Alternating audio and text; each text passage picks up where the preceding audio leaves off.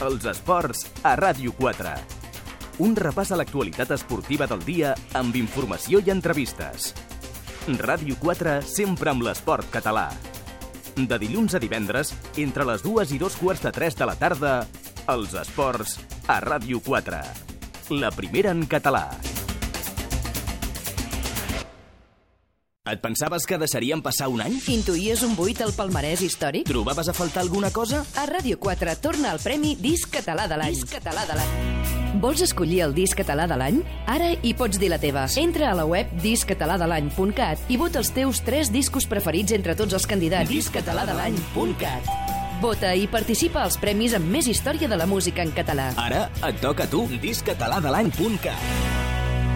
amb la col·laboració d'Estrella d'Am.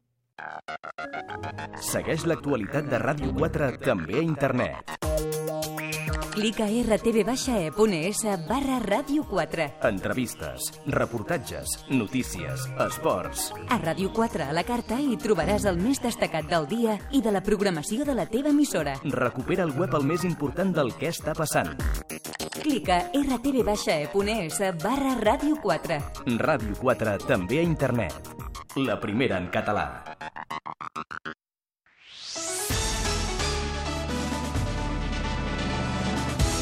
El matí a quatre bandes. Amb Toni Marín.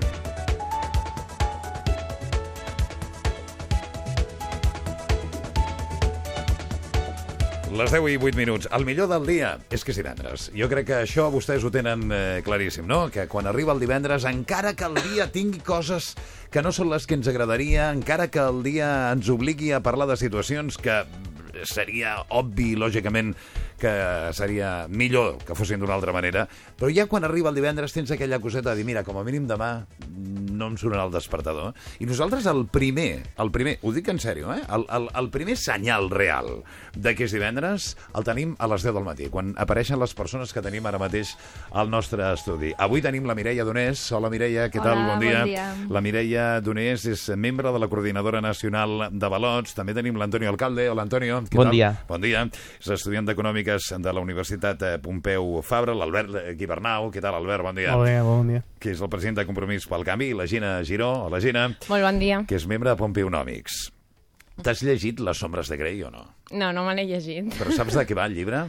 Bueno, ho sé el que m'heu explicat ara mentre estàvem aquí comentant. Ah Antonio, explica-li una mica de què va el llibre. Jo no me l'he llegit, però sí que moltes amigues meves m'han comentat una mica que és un llibre doncs, amb molt contingut eròtic, que parla també de, de sexe una mica més, més dur de habitualment, no?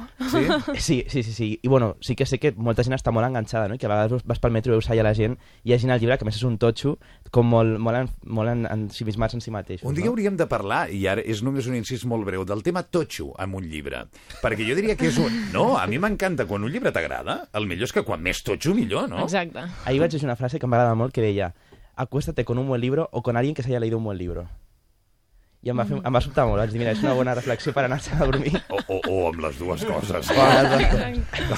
No, posats? Però aquest llibre exactament què té d'especial? Perquè els llibres eròtics sempre han existit, no? Atenció, Mireia, que tu te les acabes de comprar, em jo, deies. sí, haig de confessar que ahir me'l vaig comprar després de rebre durant dos mesos o tres, no me'n recordo, la pressió de les meves amigues, que me l'havia de llegir i me l'havia de llegir.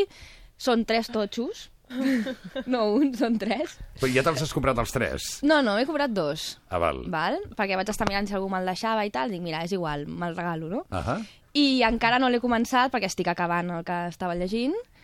I, i bueno, a veure què em trobo. A mi em fa gràcia. Trec tot aquest tema perquè ja sabeu que després, a partir de les 11, estarà aquí la Carme Sánchez i li vull ensenyar aquest llibre que em va arribar ahir aquí a la redacció i eh, us he de confessar que em va fer molta gràcia. Es diu 50 sombras de Gregorio. No es bé de Grey. Y aleshores a la contraportada del llibre diu si después de leer la trilogía de una sentada te has preguntado quién es el hombre que ronca a tu lado, este es el libro perfecto para encontrar la respuesta. I em fa gràcia perquè és veritat que diuen que hi ha hagut casos de separació matrimonial fins i tot després de llegir-se el llibre. En sèrio? T'ho juro, t'ho juro. Sí, Però no és, no és el contrari, això, perquè la gent s'animi una mica... Grey es un hombre irresistible. Dice, ojos grises como el cielo antes de una tormenta hormonal, manos grandes y fuertes, pelo abundante. I aleshores diu, i Gregorio. que aquí és on ve la conya, no? Diu, i Gregorio diu, ojos, dos. Manos, también, i pelos, cuatro. O sigui que aquí veuríem la diferència, saps, Gina, una mica entre el Grey i el Gregorio. Sí, sí, veig que aquest llibre crea moltes expectatives a les lectores i això després pot crear problemes A les a parelles. les seves parelles, a les no? parelles, sí. Home, és normal, no? Quan un comença una relació, la comença amb expectatives, no? Home, evidentment. Home, si no, no la comencis, no? Clar, clar, clar, clar. I després, eh, eh, Albert, la, la, la cosa et va portant a la cruel realitat, no? Sí, sí. Home, no O sempre no ha de tan ser cruel. cruel, no sempre ha de ser cruel. O no tan cruel. Tens tota la raó, tens tota la raó. Bueno, escolta'm, tenim una setmana en la que ha passat de tot, de totes les formes. Jo, de veritat, avui és allò una mena de self-service, no? Anem a parlar d'allò que vulgueu parlar. Perquè tocaria corrupció, tocaria... Però és que, clar, no parem de parlar del, de la mateixa història. Eh, Antonio, tu com ho portes tot? Jo ho porto bé, ho vaig portant també a classe, tots els companys, crec que el que dèiem l'altre dia no, també, que tothom parla de corrupció al bar, a tot arreu, no? Sí, a la, que- a la sí. universitat es parla de corrupció... Jo a la meva de- universitat, doncs, la gent està realment molt, molt indignada, no? I fins i tot em sembla que ella es va arribar, doncs, amb la plataforma Change a recollir un, mil, un milió de firmes, un, de signatures, no? Ahà. O sigui que jo crec que és un tema realment molt, molt d'actualitat i que la gent està tomant, prenent consciència co- política, no? en aquest sentit. De fet, jo crec que és de les societats o de, o de les joventuts que, que vivim actualment que més s'interessen per la política, no? probablement. Digues, digues, Gina. Ah, perdona, digues. Ah, no, jo sí, sí, estic molt d'acord amb el que està dient, però hi ha una cosa que em sorprèn perquè els polítics segueixen actuant bastant similar perquè es creen cimeres anticorrupció, etc. però sembla com que quan la corrupció està dins del teu partit no és tan greu. A- Abans llegia el diari que al Pere Navarro li sembla molt bé que el senyor Bustos hagi retornat a exercir la seva funció com a alcalde, perquè, bueno, perquè no s'ha demostrat i em sembla que ha tornat perquè si eh, s'accedia en el període màxim i ja si no hauria hagut de dimitir. Però vull dir, és com que quan la corrupció està dins dels meus, llavors l'acceptem d'una altra manera o no totes les imputacions són iguals. Aviam, no ho sé, saps? És una miqueta curiós tot el tema. Tu què dius, Mireia? Bueno, jo una mica relacionat amb el que m'ha comentàvem l'altre dia també que sortia a la conversa, no? Que, que això, no? Doncs que la justícia no és igual per tots, no? I en casos d'aquests es demostra. Jo personalment ara passo una mica del tema corrupció i, i crec que tots ens hauríem de centrar més en el que podem fer nosaltres mateixos, eh? No cal que siguem uns superherois, però des del nostre dia a dia es poden fer moltes cosetes. Tot el que ha passat ara, bueno, amb la ILP, no?, de, pels desnonaments i tot això, amb, la de, amb tota la presentació de la de Colau i al Congrés, va ser espectacular. Ara parlem, per mi si va et ser sembla. històric, això. Ho dic perquè sé que l'Albert i tant la- bé l'Antoni volen dir alguna cosa per no anar i venir, després parlem d'això, si et sembla. Albert, Bueno, jo amb, digues. amb el que deia l'Antoni vull dir que, que sí que més que, gent, que joves interessats en la política el que tenim és joves informats en la política però eh, aquest, aquesta generació de joves que tenim molt bé, sabran moltíssim de política però és potser de les menys eh, m'atreviria a dir implicades amb el, amb el canvi polític o menys implicades amb eh, formar part del, del món polític no? o presentar-se a canviar un partit des de dintre o presentar-se en una plataforma alternativa a, a, a ocupar un lloc eh, en el panorama polític i potser entrant, entrant una mica en el tema aquest de la corrupció m'ha- fet gràcia un comentari que he sentit a, a una persona als transports públics Uh -huh. que, que deia que bueno, i tot això de la corrupció i tot això en teoria el rei o no sé què per què està no? o per què, quin paper té la Casa Reial si hauria de fer alguna cosa o no? I, És curiós perquè jo, jo, jo us volia parlar un tema sobre, sobre això. Home, eh? la Casa Reial no hauria de fer res perquè no hauria d'existir. Aquest, aquest és un altre tema. Eh, jo, jo la, la, la, la sensació que tinc, i per això us volia preguntar, perquè això no té res de científic, el que vaig a dir a continuació no té res de eh, científic, sinó simplement de... Bueno, a mi m'agrada escoltar, escoltar, no tafanejar, sinó...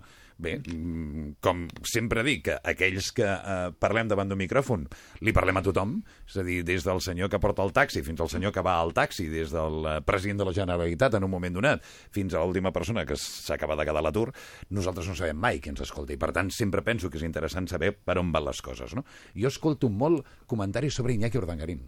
O sigui, més que Bárcenas, més que eh, tema ITVs eh, o tema Oriol Pujol, jo escolto molt, molt, molt a la gent parlant d'Iñaki Urdangarín. No sé què dieu vosaltres. Home, és, és que jo crec que quan escoltem, per exemple, que Urdangarín diu que la fiança de 8 milions d'euros que ha de compartir amb el, amb el soci no, que tenien a, a l'Institut Nos, doncs diu que li, li produiria un empobriment enorme quan resulta que té una mansió a Pedralbes de 6 milions d'euros que va comprar fa poc. Clar, són coses Empobriment mica injust. Es, escandaloses. No? I que no es posen d'acord en com l'han de pagar, com si tinguessin molts problemes per pagar-la. és que és, és una cosa que ens sobta molt, i més, i més en temps actuals que la monarquia més aviat el seu paper i la seva funcionalitat brilla per la seva absència i surten tots aquests casos, sigui de corrupció o bé, en fi, no cal enumerar perquè tots ho sabem, la, els darrers escàndols que han hi ha hagut quan sentim notícies com aquesta, que estic d'acord, Clar, i amb més, el tema de la fiança dius, home... Però amb el- si amb el tema- demana disculpes no? i sigues una mica exemplar. No? No, no, L'altre dia es va anar al, al partit de, de la final d'handbol que hi havia, em sembla, a Espanya i, i un altre país, em sembla que va guanyar Espanya al Mundial, i estava ja tan tranquil doncs, veient el, el Això és el que deia no? Ella, de que la justícia no és igual per tothom. Sí, perquè jo tinc una pregunta que em feia avui al matí. Si quan tu no pagues una fiança, no vas a la presó? Home, en teoria... Bueno, sigui, la no fiança sé és per evitar la presó, no? Exacte, o sigui, Pregunto, eh? si no, ho la pagues vas a la presó, no? Llavors, ara per què no van a la presó i ara procedeixen a l'embargament dels seus béns i no ho fan directament?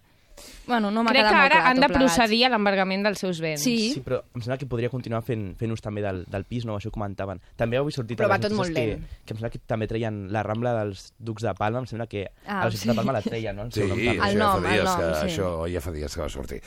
En fi... Eh, El que, el que sí digues, que, digues, sí, un debat perdona. interessant que va sortir ahir, em va sobtar moltíssim, i pre- crec que és un tema molt interessant també relacionat amb la corrupció. Sembla que ahir el, el senyor Duran i Lleida i, i el- i l'alcalde de Barcelona, Xavier Trias, parlaven en un debat sobre temes de corrupció. I de salaris, no? Exacte, Sí. i, va, i van dir que també, vin- o sigui, van fer un vincle, a mi em va, em va sobtar moltíssim, i crec que era també molt escandalós, entre el salari dels polítics i la corrupció. No? Deien que els polítics a Espanya estan molt, molt mal pagats, i ho deia precisament l'alcalde de. Barcelona, que cobra el doble Aviam, que el president del govern en, espanyol. qualsevol, en qualsevol cas hi ha una cosa, més enllà... De, de, fer, fer, Però, clar, fer una relació directa entre els Eh, sous aquest- i la corrupció a mi em sembla escandalós. Mm, segur, però eh, segur, segur, perquè una cosa que se'n diu ètica, i si un polític es dedica a l'ètica, hi ha molts polítics que no cobren Clar, per si fer la ser seva, polític, per fer la pots seva fer tasca. voluntàriament i perquè t'agrada, que si no pots anar a l'empresa privada. Són dos debats, Antonio, completament diferents. El que Exacte. passa és que eh, un surt fàcil i l'altre, eh, eh, eh, diguem que no és el millor moment per mantenir-lo. Abans ho, ho dèiem el senyor Claries, no? amb l'exconseller de Benestar Social. Si tu, allò, objectivament, agafes el sou dels polítics europeus, Mm. els espanyols estan a la cua, amb molta diferència. Clar, però agafen també els sous dels ciutadans, no? Exacte, Sous sí, sí, mitjos i, i SMI. No, no, clar. però no t'estic parlant dels, eh, dels eh, polítics del nord d'Europa. T'estic parlant dels italians, per exemple, els, el, el, que tenen una renda per capita molt similar a l'espanyola. El, el, la diferència, però és com tres o quatre vegades, eh? Vull dir, és, Però és, encara és més una escandalós borrada, amb eh? el salari mínim interprofessional. Que sí, home, que sí, També, sí. vull dir que és... és... També les, també les atribucions que té una persona que està al capdavant de la política, i jo no sé si vosaltres teniu algun amic que sigui un polític canyero, però la vida d'una persona d'aquestes és un horror. O t'agrada molt i tens una convicció claríssima, o jo no vull aquella vida dels polítics que, a més a més, de per si, sempre ja et posen el segell de corruptes... Saps que et guanyes tots aquests comentaris. sí, tu no, ets polítics és i et guanyes tot això. Hauria Però- de ser-ho, O vamos. ser polític avui no és fàcil. No, Jo jo, dic, crec no és que fàcil. una cosa no treu l'altra. És, és, és cert que segurament els ciutadans no, tenim, si ens comparem amb altres països, un salari mínim molt més baix, però també és veritat que si entre tots volem tornar al, que la política tingui l'excel·lència que va tenir en temps passats, també és cert que una persona que té uns càrrecs molt importants i que pren decisions per molts milions de ciutadans doncs s'ha de retornar d'alguna manera. Clar. Sobretot quan implica eh, càrrecs de gestió i d'administració de temes que podrien fer en una empresa privada Clar, però- cobrant però quatre vegades Mirem més. Llavors, els currículums responsabilitats es Quatre? paguen. Quatre? Bueno, O vuit, Molt més, o sí. 12, o 15... Sí, digues, sí. digues, Jo estic d'acord, és a dir, a valorar la teva, que una part del, del valor de la teva feina sigui valorada amb, el, amb un salari, no? amb una retribució econòmica, això és evident. Ara, eh, que hi hagi un currículum al darrere, que siguin persones formades. Sí, no però pot i, ser i que hi hagi tot, eh, persones... tampoc és injust generalitzar perquè també hi ha molta Però gent que par- té molt bon currículum que Però molts polítics que han ocupat els càrrecs no els ocupen per la seva, per la seva vàlua. Clar, però també és una mica sabem. injust generalitzar perquè hi ha molta gent que fa política perquè realment hi creu, perquè està interessada Però en més fer des de un la bé al bé- base, no tant qui arriba a dalt, més des de la que base. el- el Jo no m'atreviria a dir que- Jo problema, no perquè puc jo crec que també amb la... això que dius. Jo, jo sincerament crec que la política també ha de tenir un component altruista, de, de no voler fer diners. No? Per tant, jo crec És que el té totalment, es- tothom es que s'hi això, dedica. Jo crec que, clar, és un sobreesforç. Estic d'acord doncs, que són moltes hores, que no tens vida privada, que t'exposes públicament, que et tatxen de corrupte, que tal, no? però també crec que ha de tenir un component altruista, no de dir, ho faig perquè tinc una vocació de saber públic de canviar les coses i sincerament jo crec que un dels debats que sí que també s'hauria d'obrir és molt bé, si volem posar els salaris dels polítics també exigim a tots que tinguin una formació i una experiència acadèmica, no? perquè s'ha de retenir talent a la política. Moltes vegades veiem polítics que no, que no han fet res a la vida privada, que mai han treballat amb un jefe a una empresa o que han fet alguna cosa extra a la seva vida privada, no? I això jo crec que sí que és Però el que s'ha d'erradicar de la quan política. Artur Mas, per exemple, guanya les eleccions i diu que vol fer el govern dels millors, Eh, no, no, a mi em sembla que la- l'evidència de per què no ha fet el govern dels millors l'estem explicant ara. Eh, perquè No els hi surt a voler compte. els millors significa que una persona que està tranquil·lament a una empresa, que probablement seria el millor gestor d'una determinada cartera, Totalment. està en una empresa privada guanyant uns diners molt importants, ha de renunciar a una part molt considerable del seu sou i ha de perdre una altra cosa que és molt important, la privacitat. Ha de perdre la privacitat, ha de passar a sortir als diaris cada dia, ha de passar a ser sospitós, ha de Sí. passar a, a fer front a... Clar, jo entenc la mandra que per una persona que ja té la seva vida solucionada, per molt bo que sigui i molt bon governant que arribaria a ser, deu, deu fer voler accedir a això. I no? la reputació, és a dir, que aquesta persona sap que seguríssim, estigui una legislatura, estigui dos, estigui tres, algun problema hi haurà. És a dir, tu saps que si et dediques a gestió política dins d'un partit, dins d'un govern, quan surtis tindràs molt més difícil la teva reinserció.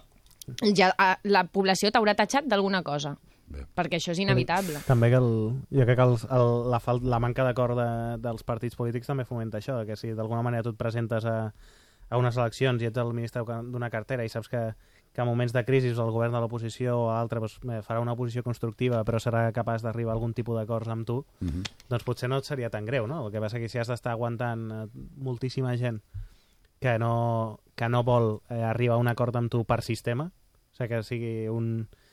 Que de manera, crec que es fa una mena de política de dogmes aquí, o sigui, en plan de que el que dic jo és el correcte i és impossible arribar a un acord amb la, amb No l'altra creus, persona. per cert, és la primera vegada que... És que estic completament d'acord amb el que dius, però no creus que en, en el fons tots responem a un dogmes? Els mitjans tenim el mitjà del dog, el dogma del mitjà, el, els opinadors, el dogma dels opinadors, els sindicalistes, els dogmes dels sindicalistes, i clar, el problema és que no s'entrecreuen uns i altres mai.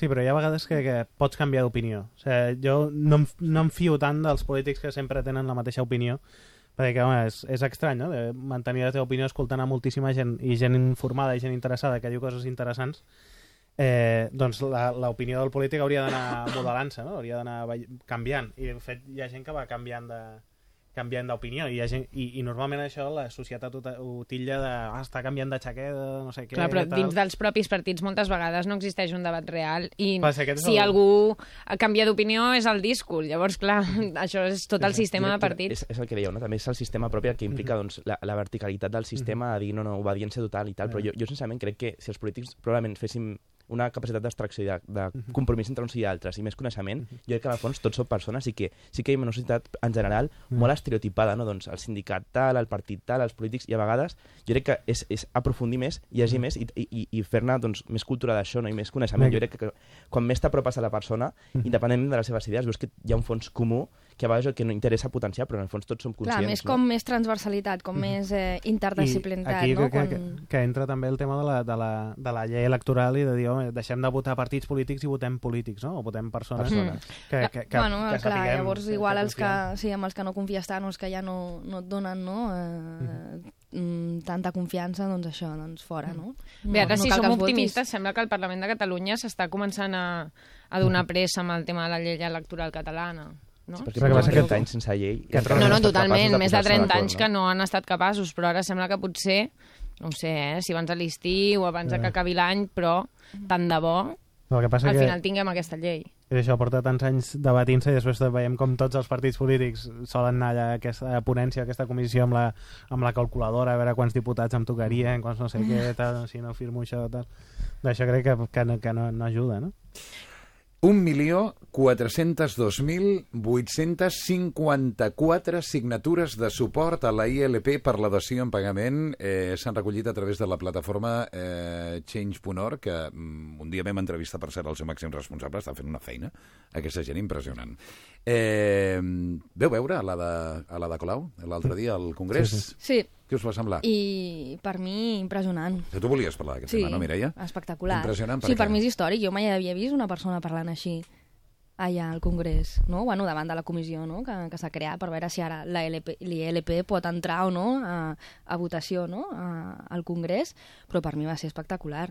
O sigui, amb la convicció que va anar la de Colau allà a parlar, amb, amb, no li trontollava en cap moment, ni, ni la veu ni, ni les paraules que deia. Perquè parlava des de la passió. O sigui, estava tan convençuda del que deia que així és quan, Sí, quan realment transmets. d'impressionar, no? Quan, Clar, eh, per això jo, jo m'imagino ja al davant No, no, i per jo crec que la que tinguis, va ser una lliçó de nerviosa política. et deus posar. El que passa és que jo crec que també els partits que són més d'esquerra s'haurien de replantejar perquè això no ho havien fet ells, no? Mm, segurament. Però, bueno, ja està bé, no? És a dir, que això és una, és una mica d'esperança no? dins d'aquest sistema democràtic que realment hauríem de moure, no? Entre tots plegats, doncs mira, està bé, no? No estic d'acord. Va ser una molt bona notícia que generi aquest debat en el Congrés. Està Jo crec que sempre realment. és una bona notícia doncs, que hi hagi LPs, iniciatives iniciatives populars que surtin de la gent, no? que també a vegades quan parlem de democratitzar la política doncs és un exemple de que es poden fer coses no? i probablement hauria de, de rebaixar-se el llindar de, de recollir de signatures, però jo crec que, que sincerament si entrem en el debat de fons, no? que és la dació en pagament, jo crec que Espanya està molt mitificada, no? perquè al final hi ha països com els Estats Units on hi ha la dació de pagament i també hi ha problemes doncs, amb hipoteques i una crisi immobiliària increïble també, no? per dir-ho així. Jo crec que també s'ha d'entendre doncs, que la dació en pagament no és només tot el que ens explica, que també implica doncs, que el risc es passa tot al banc, per tant pagarem més interessos, i també la retroactivitat de la llei, no? que al final la gent que ja ho està patint, doncs probablement no, no es pugui tirar cap enrere. No? Per tant, jo crec que també s'hauria d'anar molt més enllà en mecanismes de negociació entre bancs i, i, i els usuaris en general, Els i també tenir la cultura no de que els bancs no són els nostres amics. O sigui, a Espanya la gent se n'anava a prendre un cafè amb el director del banc pensant que són amics i després, ostres, és que m'han estafat amb una hipoteca, amb uns interessos increïbles, amb una multidivisa, que és que al final teníem el concepte, no? jo crec que la gent de, no, no, el, el, el, el nostre director de banc doncs és el nostre amic, ens anem a prendre un cafè, ens busca el millor, no, no. El banc vol fer diners amb els teus diners. O sigui, és, és una relació... Però és que és un negoci de- mutu, no? D'abús, no?, per dir-ho així. Ok. Clar, però és un negoci mutu en el qual hi ha un desconeixement. Per tant, jo crec que la relació de confiança amb el banc doncs, s'ha de tenir molt, molt, molt clara que no són els nostres amics, no? Jo crec que s'ha d'incultar a, la, a la gent, de dir, ostres, I- que no, que no, això d'anar a prendre un cafè amb, el- amb el director del banc, doncs no. I en tot aquest embolic, però, o sigui, no només és bancs i, i ciutadans o, o qui està afectat per la hipoteca o com tota aquesta gent, no? Sinó també l'Estat. És a dir, com l'Estat permetia que es poguessin donar hipoteques a, a no sé, a 120% i, i anys, Clar, jo però al sé. ser que entitats quasi que li passaves- l'Estat no hi podia interferir. Bueno, ho està fent ara. Clar, No, no? no, Ara vol limitar, ara, ara, ara no vol fer- limitar les hipoteques a 30 anys. Però Ara. No, és- però no, vols dir que no és el eh, mateix... Jo m'estic plantejant si fa 10 anys... O sigui, quan jo em vaig comprar un pis. De sobte em diuen que no em puc hipotecar i, per tant, no em puc comprar aquest pis en un moment com aquell, en plena bombolla. O sigui, sí que probablement estic d'acord eh, en que s'hauria d'hagut de fer, però la revolució social que ve a partir d'aquí, tela, tela, tela, eh? perquè estaríem parlant de polítiques obstruccionistes, de que estan eh, decidint... Bueno, l'intervencionisme de l'Estat o no, no? Exacte. Però no és intervencionista ja l'Estat. Mm, eh, en- eh, Mira, fer aquesta pregunta avui és una cosa i fer aquesta pregunta fa 10 anys és una altra. Per mi hauria de ser intervencionista sempre que vetllés per la justícia social dins, de la, dins, dins Clar, del però país, quan tu no? estàs parlant, fa 10 anys estàvem en ple creixement descontrolat, en el qual tothom es demanava crèdits, tothom es comprava cotxes, tothom comprava pisos... I, i que s'han sortit moltes mm, trames de corrupció també relacionat amb això, dins de la pròpia política. És a dir, si això no es parava és perquè a ningú li interessava, a ningú. Però llavors segurament els pisos tampoc haguéssim aguantat tant de preu, perquè si tu no et donen la hipoteca, no? Uh, només et donen un 50% de la hipoteca i només a 20 anys, qui podia pagar això? Qui podia pagar els 400.000 euros? Jo crec que el a problema és molt de regulació, eh? perquè els bancs es van accedir perquè la regulació no era la correcta i a la vegada la mentalitat que es va instaurar a la societat. És a dir, en els bancs és, és molt clar, i aquí crec que no hi ha discussió, que es van cometre negligències i segurament el sistema d'incentius era l'incorrecte, perquè bueno, ja sabem, els directors d'oficina, quantes més hipoteques, més retribució, etc. Però a la vegada tampoc és tot un, és, és, són errors de, de la mentalitat de la societat, perquè tots vam voler viure per sobre les nostres possibilitats. És a dir, la persona que es va enganxar els dits amb la hipoteca moltes vegades n'era conscient, és a dir, ah, mira, mira que bé, em compro la casa molt per sobre les meves possibilitats. Bueno, però és impopular dir això, però hi ha molts No, no, casos no. d'això també. No, no, No, estic d'acord amb això, però, per exemple, els lloguers tampoc eren uns lloguers de 300 euros. Però és que no hi ha Clar, cultura de molt- lloguer a Espanya. Jo, jo parlo molt... Això és un altre problema. No, però jo parlo molt des de, o sigui, des de que visc a Barcelona i, i mm, és dels llocs, no? Bueno, és el lloc més car, vamos. No és el mateix viure a Barcelona que viure a la Seu d'Urgell, no? En quant al lloguers i comprar una casa. Parlo del cas d'aquí. Aquí a Barcelona els lloguers, tenir un lloguer i una hipoteca, quina diferència hi havia? Amb la hipoteca que et donaven quasi que pagaves menys de hipoteca que de lloguer. Exacte, jo crec que el que de fer és potenciar molt més el tema del lloguer i també doncs, tenir una consciència de- de- d'això mateix, no? de dir, ostres, doncs la hipoteca, on ens estem ficant? No? Que jo crec que no és tant intervencionisme de l'Estat el que s'hauria de potenciar, sinó una bona regulació financera. No? Jo crec que l'Estat no és que hagi d'intervenir constantment en l'economia, però sí tenir un, unes lleis, una regulació financera que no ha existit i que probablement costarà d'existir, que sigui doncs, fixar doncs, que no hi hagi aquests abús de poder, no? perquè quina, és la, quina intervenció més gran de l'Estat, que és rescatar amb diners públics els bancs, no? i això els Mm. liberals ho estan defensant. Per tant, jo crec que, home, doncs per, no, per no arribar a aquests accessos d'intervencionisme, que és donar diner públic al banc, doncs fem probablement una regulació financera doncs, que eviti probablement doncs, gent com, com les, les preferents, no? que això és una estafa en tota regla. No? A mi, de fet, no, és el, el que més em preocupa de tot això dels desnonaments i, del, i dels bancs era, és precisament això que dius que, que clar, o sigui, hem estat, els bancs han demanat un rescat i se'ls ha rescatat, no? Ara tenim un grup de persones que estan demanant el, un rescat vital, per dir-ho així, que és la dació en pagament, i els bancs mateixos no són capaços de rescatar les persones, no? És això, que és una mica injust, no? Que estiguis demanant com a banc uns, uns diners a l'Estat i després no siguis capaç de, de perdonar o de- d'arribar a un acord amb aquelles persones que, que ho estan passant pitjor. És, és un sistema molt pervers en si mateix perquè, per exemple, als Estats Units, alguna vegada que bancs han tingut problemes, l'Estat no els ha rescatat. Llavors ja es crea, s'evita totalment l'oportunisme. Sí. Exacte. I la selecció Si adversa. En canvi, en el moment en el que tu rescates a un banc, ja es pot, que tor pot ser que torni a passar. També és cert que em sembla difícil dir no rescatem els bancs perquè llavors les persones també en surten però, per perdent. exemple, No, no és fàcil, no és fàcil la No decisió, tenen consciència no de que hi ha un risc. Els accionistes dels bancs han de saber que tenen un risc i la gent també ha de ser conscient doncs, que, que, hi ha uns, que els bancs està fent, aquells diners no estan en una capsa guardats, no? que estan invertint, no? I també doncs, probablement ja és hora de tenir consciència de que els diners es mouen, no? I que, i que aquells bancs doncs, estan invertint i estan, hi ha un risc no? quan, quan vas als bancs, no? I pensar una mica on fiquem els diners, perquè probablement el tio que va ficar diners a la camp, que donava uns interessos des, desorbitats, doncs havia d'assumir que jo també tenia uns riscos que un altre banc que donava uns interessos molt més prudents, doncs probablement tenia. Clar, però tu estudies economia, però hi ha Ja. moltíssima gent que No, però, això no per en té ni exemple, idea. Al final, quan menys diners tens, més caixes- tranquil vius. Això està clar, no? Si no O pots no. Clar, però eh, enlloc. també la probabilitat de que quan tens pocs diners, a la mínima Sí, que fas, sí. en surtis perdent és molt més elevada. L'altre dia, l'altre dia uns alumnes meus van fer un exercici eh, que vull fer jo també aquí al programa, que va ser parlar amb eh, gent que treballa als bancs. a, aquells que estan donant la cara. Eh, quan eh, va algú que està enfadat, lògicament, perquè resulta que li han venut les preferents i tota la història, O ha de fer coses que no vol o no Oh, creu. No, no, el que, el que és al·lucinant és que eh, ell deia, diu, si tu sabessis que jo, per exemple, li he venut preferents a la meva mare, diu, probablement entendries que no tenia aquest punt de mala fe eh, que, eh, que ara es, es, es llegeix com a tal. Diu, perquè productes de risc, als bancs, s'han venut tota la vida. Mm de tant risc com aquests de les preferents. La, la diferència està en que la situació econòmica no era la que hi ha hagut ara i ningú no s'esperava El problema dels que preferents s'arribés, no? és que ha canviat de sobte la regulació des d'Europa. És a dir, Absolutament, és clar. que és aquest el problema. Jo tinc Clar. familiars que treballen a bancs i m'ho han explicat.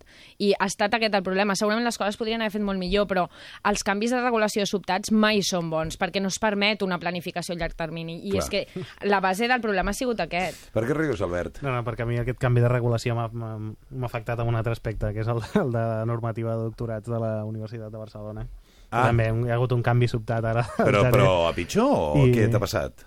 Bueno, que em van dir que amb un màster oficial en investigació que estava fent ja, ja servia per poder accedir a, a presentar el doctorat i em diuen que no, que haig de fer assignatures, eh, complements, no sé què, que haig d'estar o sigui un any que, més. vaja, que estàs contentíssim. Sí, sí, no, no, No, aquests et canvis veig. de regulació O sigui, molen. és això el que provoca aquest somriure que no treus de la boca tota Sí, sí. l'estona, No, no? això, els canvis de regulació aquests, sí, sí. Déu-n'hi-do. I amb, amb això que parlàvem dels bancs i tal, també crec que està bé començar a parlar, que en certs segles se'n parla més de- d'un altre tipus de banca, hi ha la banca ètica. Mhm. Perquè tothom sí. diu, ah, estem enganxats pel sistema, no? O sigui, jo tinc els diners a la Caixa o a Bànquia o ja no sé ni com es diuen ja les entitats. Bueno, no es poden comparar, eh, la Caixa i Bànquia. Bueno, per...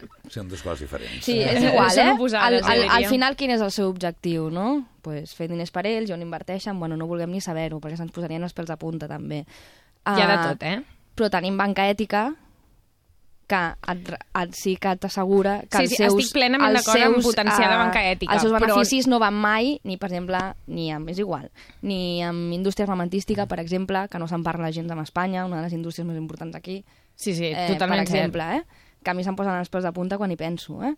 pues tenim altres opcions també, no? A vegades ens quedem una mica, bueno, què fem? Les estem, tenim. estem enganxats pel sistema? Bueno, Però jo crec que a vegades mm, no potser no tots els diners els podem posar aquí o potser no ens és operatiu pel nostre dia a dia, però potser una part sí. Jo crec que a vegades no som conscients no, del poder que tenim com a consumidors. No? De dir, Exacte. on fiquem els diners implica doncs, potenciar un determinat tipus de- d'economia o d'indústria. No? Per tant, jo crec que a vegades hem de ser conscients de què fan amb els nostres diners. I no només els bancs, no? també quina roba comprem, perquè a vegades tots Sí, parlem, sí, tot "Ostres, està relacionat els al nens final, pobres no? que estan allà explotats, tu mires on es fabrica la roba que tu compres, perquè a vegades no ens interessa. Jo crec que hem de ser conscients que només tenim, no només tenim un poder polític quan votem, que també quan estem comprant una cosa, quan estem invertint en, determinada indústria o, determinada, o determinats projectes, doncs també estem decidint quina economia o quina societat volem. No? Per tant, a Sí, vegades sí. crec que tenim més poder amb els diners que tenim, què fem amb ells, que, o, o què promocionem, o, qui, o quines coses comprem, o què comprem, on invertim, que a vegades simplement que on, on fiquem el vot, no? I per contra, o sigui, jo crec que és impossible ser el 100% eh, coherent o en, aquest, en això que parlàvem, no? en consumir el 100% bo, perquè em prendria una Coca-Cola i em dirien, hosti, és que la Coca-Cola no? és una multinacional... És que... molt difícil fer això. Eh, Sí, no, no, és, és que impossible, dius. és impossible És- ser el 100% coherent no? amb una idea així, no? Dir, Perquè també és el que més fàcil ens arriba. Però sí que podem fer coses, sí que podem pot, començar a canviar cosetes. Pues això dels bancs no se'n parla molt, evidentment. Bueno, pues hi ha una No, opció, hi ha jo amb bancs això que, dius de la banca ètica és que no hi podria estar més d'acord i ho he pensat moltes vegades que cal potenciar molt aquesta via. Però també, abans has dit, la Caixa Bankia, és que crec que és de justícia fer una gran diferenciació entre aquestes dues entitats. Perquè, Per mi no, eh? Doncs per mi sí, perquè la Caixa l'altre dia va presentar resultats. És la primera entitat que està fent tots els sanejaments. Està dedicant un munt de milions d'euros a, a... Està invertint en armes des de sempre. O sigui, és que, clar, és imperdonable, és igual. Mira les entranyes de tots. Mira les entranyes de tots. Mira l'obra social que fa la Caixa. No me la crec, no la vull amb, amb Doncs diners et dic de- que- d'armes, no la vull. No, no és amb amb els No la diners d'armes. No és amb els bueno, diners d'armes. mireu, mireu, si, si teniu de la caixa es pot anar. Un... Di, mira, jo puc entendre, eh, puc entendre perfectament el que dius de les armes, però no vull l'obra social de la Caixa en aquest moment, si la Caixa No retira dic que els no la diners... dir, però perdona és que com dir tirar la pedra, si en no? aquests I- moments... No, no, el que vulguis. No, no, jo entenc, començo dient que entenc eh, el, el que dius, però si ara la Caixa decidís retirar els diners en obra social, amb la situació que tenim, t'asseguro que el problema es veuria magnificat No ho molt farà més, perquè és eh? la seva màxima publicitat. Bueno, això ja és, mira, m'atribuir el que vulguis. En realitat el que No estan farà. fent és posar uns diners que... Hi ha, hi ha un component de màrqueting, no? I el que deia també, en això sí que estic d'acord, no? que és Com un en component tot, de màrqueting, però clar, escolta'm, és que és un com- negoci. com sigui, en al final- tot, com cada vegada que Clar, ens és un davant d'un negoci. micròfon les caixes, idea... però és que precisament aquesta és la part que s'ha de mantenir perquè les caixes van néixer com a petites entitats, bueno, alguna vegada ja ho hem parlat en aquestes després- tertúlies. després s'han pervertit I les obres socials... només queden dos caixes, Espanya? Dos, Sí, crec. pu- a les Ontinyent i Pollença. totalment. O sigui, les caixes van deixar de ser eh, el que tu deies, no? doncs entitats de, de, Clar, de però llavors, si tenen de- obra de- social, no estem contents. Si la treuen, No, no, i jo estic m'informaré per la pròxima no? tertúlia, però que tots els diners que destinen tots a obra social... no, és que em sembla que fer no. No, no, no, generalitzacions clar, és, és, injustes. és, que és no. important, a cadascú Estem parlant a la ràdio, que és un mitjà públic, la gent ens escolta i crec que és... això qualsevol No, no, L'obra social jo crec que és una de les coses bones que eh? tenien les caixes que probablement moriran al llarg dels anys, perquè quan s'ha produït doncs, la bancarització de les caixes, les caixes van començar a oferir productes de risc, productes financers molt més arriscats, van deixar de ser doncs, ent- entitats d'estalviadors per ser bancs, totalment bancs, la regulació Sí. va anar doncs, en procés de bancarització i fins i tot pitjor que els bancs, perquè les grans, les, les grans eh, per dir-ho entitats bancàries més pringades per la crisi i més, amb, amb, més afectades van ser les caixes probablement per la mala gestió i també per la pròpia polit politització de les caixes, perquè Sí. al Consell de les caixes que hi havia? Polítics i no gestors. Mhm. Sí. En qualsevol cas, en aquest procés recorda que una de les coses que més amoïnava era que passava a les fundacions. Perquè eh, si hi ha alguna cosa, és veritat, eh, més enllà d'interessos, del que sigui, de qualsevol altra història, més enllà és la gran quantitat de diners que eh, les diferents fundacions eh, posen i això està provocant el que està provocant. És a dir, que, que com a mínim per què se li salva la, la, la papereta a qui hauria de posar els diners, que són els diferents governs, en definitiva. Deixeu-me que saludi el Jaume, que el tenim allà, Òscar, amb un fred que deu fer, no, Jaume? Bon dia. Bon dia, bon dia. Aquí dins dels estudis de Ràdio Nacional, no. Ah, no? No- Però no carrer fred. deu ser tremendo, no? Al carrer sí, al carrer sí, 6 graus. Ahà, està molt bé. Es... Però la sensació de fred és, eh, és, és enorme perquè fa vent que ve di directament des, del, des dels Pirineus. Déu I nhi aquí no hi ha barreres, no hi ha... És Ah. que et ve directe, eh? Pim. Escolta'm, a veure, un moment, eh? Gina, eh, posem per cas que ara de sobte t'arriba una invitació, pregunta pels quatre, una invitació eh, per anar a veure els Grammy. Hmm. Eh, com et vestiries? Com em vestiria? Sí. Doncs em posaria un vestit normal, no sé. Un vestit normal, un vestit molt sofisticat... Eh, Em posaria molt guapa, però no seguiria cap tipus de tendència. És a dir, em posaria guapa sent jo amb un vestit com em puc posar per anar a una cosa important que ja hagi fet algunes altres vegades. Vull dir, no ho sé. Molt Sempre bé. mantenir la teva personalitat, no? Mireia, tu ensenyaries una mica allò... No, no, jo, jo no sóc massa ni d'ensenyar i tampoc estic molt ficada en el tema moda. Jo Exacte, crec que, és que jo tampoc, eh? Em deixaria aconsellar per algú, mm, però sí que estic d'acord amb el que diu la Gina, no? Amb alguna cosa que no em sentís disfressada. Ja. Totalment. Bé, eh, Eh, has, coneixes la notícia, no, eh, Jaume? Doncs no. No coneixes la notícia? Oh, T'encantarà. Sí. T'encantarà. Sí. L'hem explicat aquest eh, matí. Els organitzadors dels Premis Grammy... Bé, Aneu sí. en compte amb els auriculars, no me'ls poseu per davant dels micròfons, que s'acopla. Ah. Els organitzadors dels Premis Grammy han enviat una carta a tots els assistents a la cerimònia dels Grammy donant quatre consells sobre com no haurien d'anar vestides, sobretot les senyores. Aviam, aviam. Atenció, perquè eh, en el llistat diuen, per exemple, eh, se'ls ha prohibit que mostrin la carn i el requereix que el cul i els pits estiguin adequadament tapats. Això m'ho estàs dient en sèrio, que han enviat aquesta carta? Paraula d'honor. A més, els ha demanat que evitin deixar nus els laterals dels vestits i la part de sota els pits i les natxes. M'estic indignant, eh? En el correu també demana a tots els assistents que s'evitin les peces amb transparències i que es cobreixin... Pues estan a la moda, les transparències, no? I que es cobreixi, i que es cobreixi bé la zona genital. Per cert, que també la cadena de televisió recomana no lluir noms de marques ni logotips a les samarretes i evitar els pins reivindicatius. I els homes que els hi han dit? Eh, no, no, això Ara ja és, sé què faria si em convidessin, no hi aniria. No hi aniries. Jaume, Jaume, et sorprèn sí. eh, aquesta història o no? Uh, em sorprèn que hagin muntat una guerra per lluitar contra els talibans i ara se, se facin el mateix ells. Està amb nosaltres, és que hem anat a buscar, ah. lògicament, una persona que realment entén d'aquestes coses. Bárbara de Senillosa. Bárbara, ¿qué tal? Buenos días. Hola, buenos días. Bárbara de Senillosa es directora institucional de l'Escola Superior de Protocol i Relacions Institucionals de Barcelona. Bárbara, ¿qué te parece lo que hace la Academia de los Grammy sobre cómo no deben ir fundamentalmente las señoras vestidas? A mí me parece asombroso, pero lo más asombroso es que me parece que la gente no sepa que no puede ir así, ¿no? Ya. Bueno, en la historia de los Grammys, si vemos el desfile... Ya, hombre, pero cuando vemos los, las fotografías del día después, digamos que ahí... Bueno, porque lo pasamos bomba nosotros. Claro. Claro, pero esto sí es para uso y disfrute nuestro, que dices, mira, esta, la jaja, jiji, claro. Pero quiero decir que el señor que dedica los Grammy, pues eh, quiere dar premios, no dar premios a, a tetas y culos, ¿no? O sea que estás de acuerdo, vaya. Hombre, yo creo que, hay, que tiene que haber unas normas y sobre todo que el protocolo te dice que mientras no ofendas a los demás, si a el señor que utiliza los Grammys le ofende, ¿no? Ya, hombre, también es verdad que se lió lo que se lió en Estados Unidos por aquel beso eh, fantástico de Madonna, ¿amb qui era? Janet Jackson, amb Janet Jackson Sí, efectivamente, pero, ¿no? pero es que bueno, también el puritanismo, también en cambio van a los a los Oscar con unos trajes espectaculares, ¿no? También es hay una controversia y el pecho de la Toya Jackson, ¿os acordáis? No sé dónde, que se organizó un pollo que te mueres. Sí. No sé, yo creo que eso es un puritanismo barato, pero bueno, mm, al margen de eso, quiero decir que el protocolo es el protocolo y también está muy claro, como decía no sé quién, y nada como no ir, ¿no? Si no No, hay nada como no ir si no te gusta, Exacto. efectivamente. Bárbara, que tenemos ganas de verte, ¿eh? Un beso muy grande. un beso. Hasta luego. Hasta pronto. Hasta Adiós. pronto. És, Bàrbara Senillosa és una referència obligada en aquest programa abans o després sempre acaba apareixent un dia o un altre.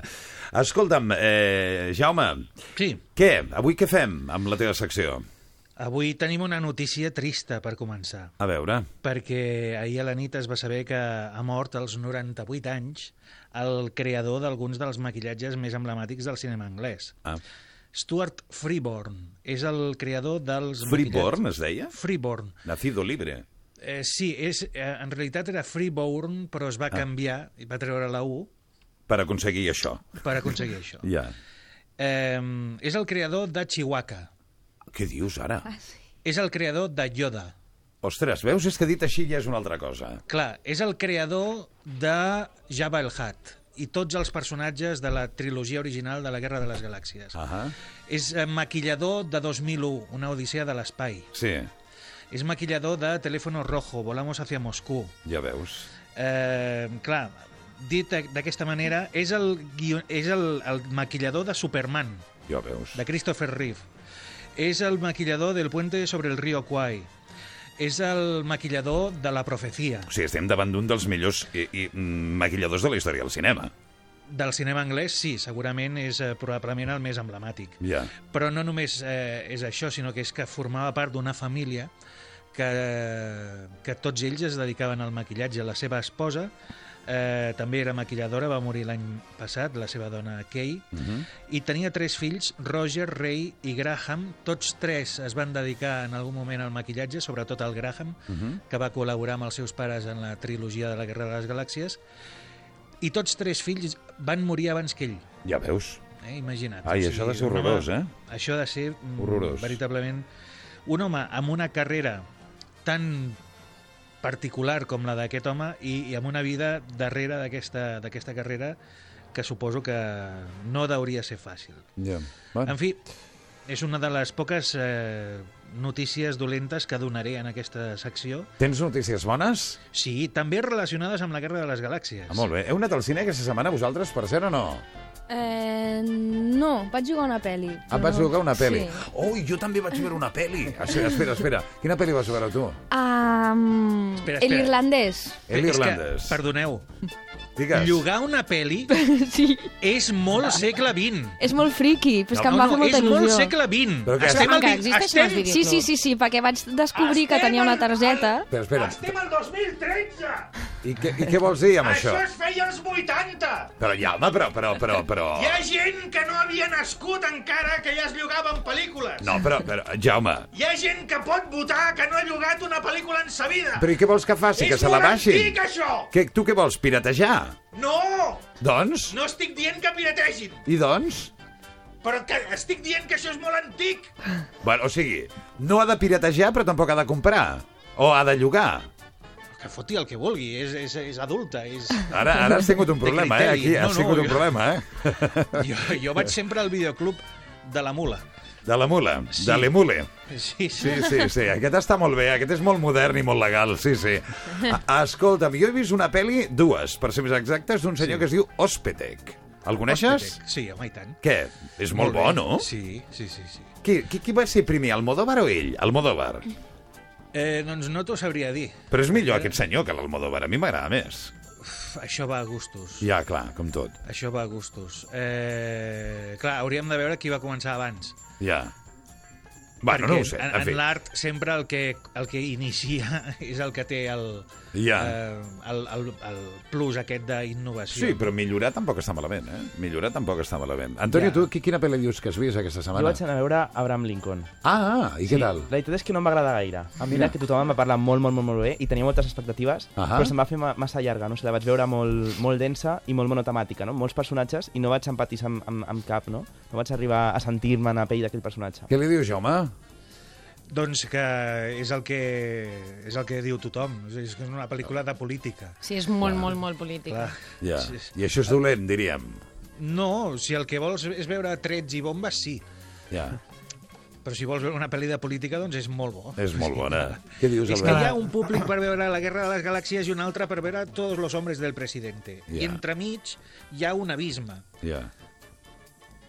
No sé si m'he explicat. Perfectament. Molt bé. Perfecte. Tu t'expliques molt bé, sempre. Sí. Albert, tu l'has vist? Sí, sí, jo he vist la de Lincoln i vaig, que em, em va agradar perquè més o menys ja estava mentalitzat eh, que anava a veure una pel·li de política, una pel·li de trets. Ja. I per això més o menys sí que em va atraure una mica i saber què és el que estava passant amb l'abolició de l'esclavitud i com, com, com, com ja hi havia corrupció en aquelles èpoques. No? Clar, en fi. Escolta'm, deies que portaves bones notícies i que Sí. tenien a veure amb eh, Star Wars, no? Amb Star Wars, eh, deixa'm que digui una cosa. És primer el Modovar, eh? Sí. Perquè he buscat a Ferzan Ospetek i la seva primera pel·lícula dirigida és del 97, que és el Hamam, el baño turco. Ahà. Eh, Sí, senyor. A mi, a mi em sonava que era, doncs, això, que era... Si més, si més no, eh, deuen ser de la mateixa quinta, perquè és del 59, Sí. Però sí que és més tardà a l'hora de fer Ja. pel·lícules. Bueno, molt recomanable, molt Sí. recomanable. A mi ha estat una gran sorpresa i un gran descobriment aquest director. Eh, Tornem, deies... tornem a lo bo. Va, tornem... És que, Que oh, la lo guerra de bo, les diu. La, això, la guerra de les galàxies. Què? Jo faig aquesta secció només per poder parlar de Star Wars. Vale, bueno, parlar de Star Wars, home. Molt bé. Quants anys tens, tu, Jaume? Jo 43. Ah, no, no, bé, bé, va. Tinc una edat que semblen dues. Hi haurà més pel·lícules de la Guerra de les Galàxies. Encara més? Sí, o sigui, no només el 2015 hi haurà Star Wars 7, sinó que s'està parlant de fer spin-off, que és un concepte que a mi m'agrada molt.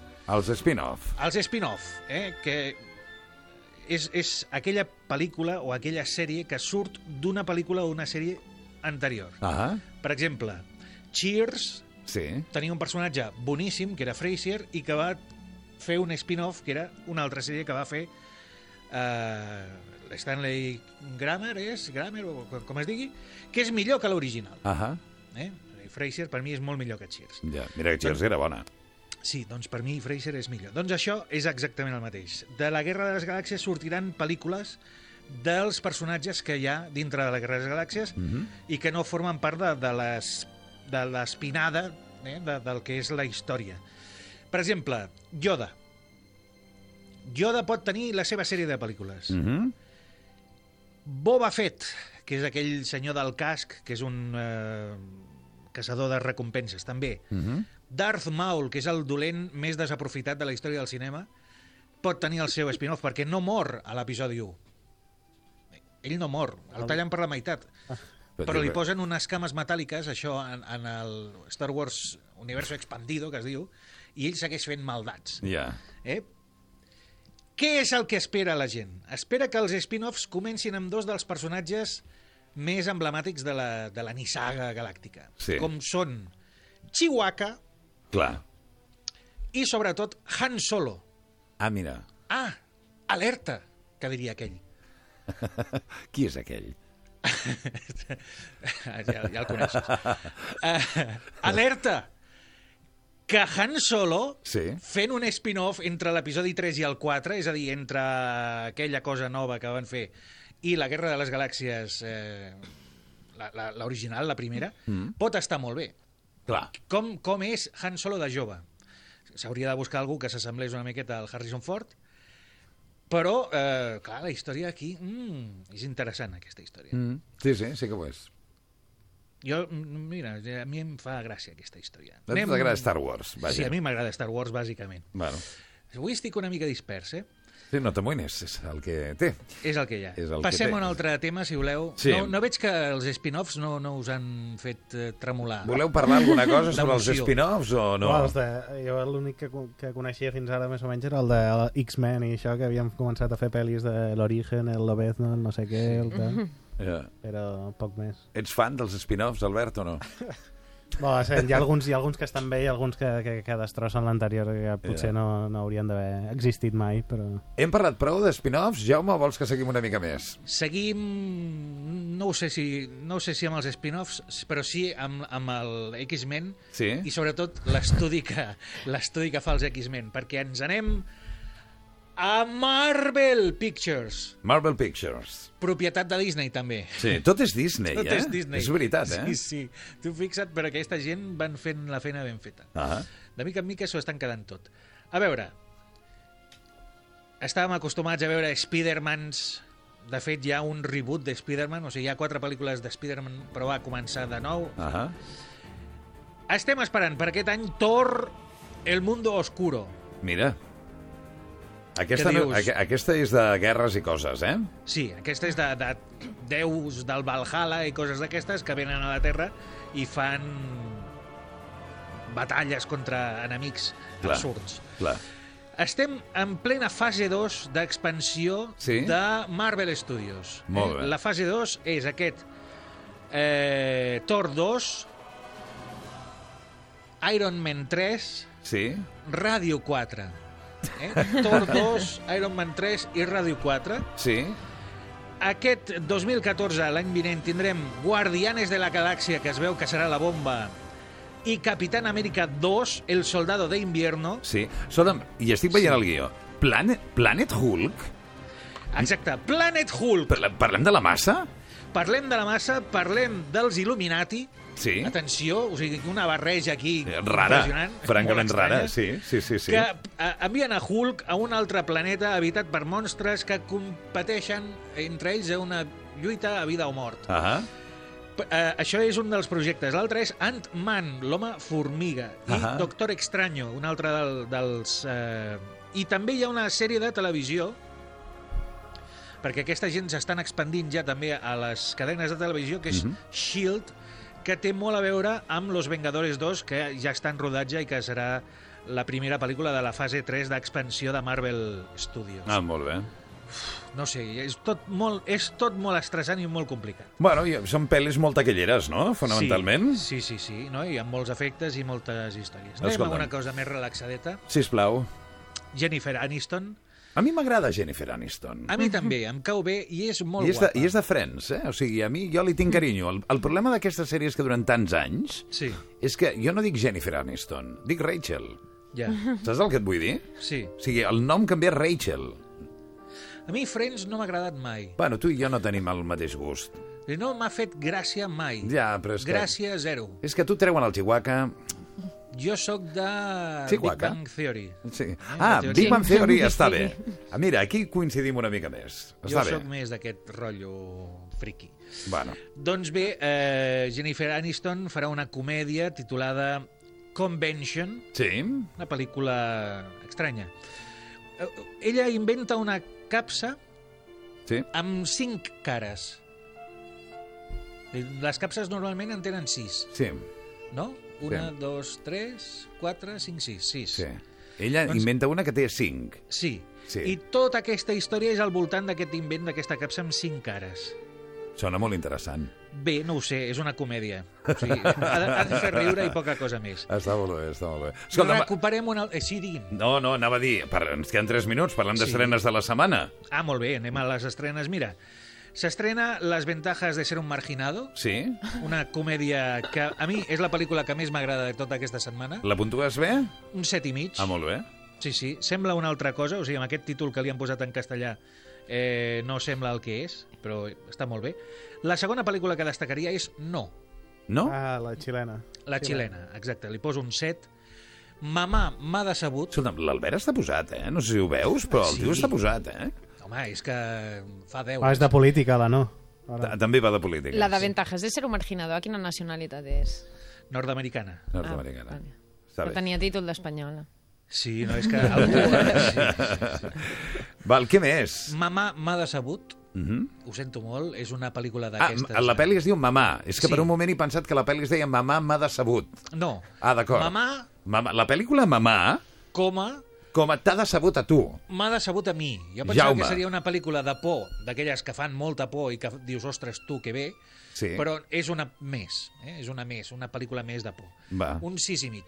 Està Bueno, no està malament. Bueno, Sis i mig no és una mala nota. És una nota de... Bueno, anar jo fent. espero que em donin un 8 Ja. quan vaig al cinema. Clar, Ja. I a partir d'aquí anem sempre cap a baix. Eh, el curtmetratge en el qual es basa està molt bé. Ja. Eh? Fi, aquesta gent es passen al llarg, fan la mateixa història i perd gràcia. Està molt bé. I la que en teoria era l'estrena més important, que és Gangster Squad, Sí. eh? Brigada d'Élite, li poso un 6 perquè sóc molt generós. Val.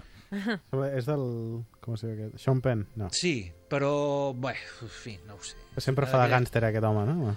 No, No? Fa hi ha pel·lícules molt bones d'ell, i també com a director, però aquesta pel·lícula fa, falla per tot arreu. Bueno, està bé.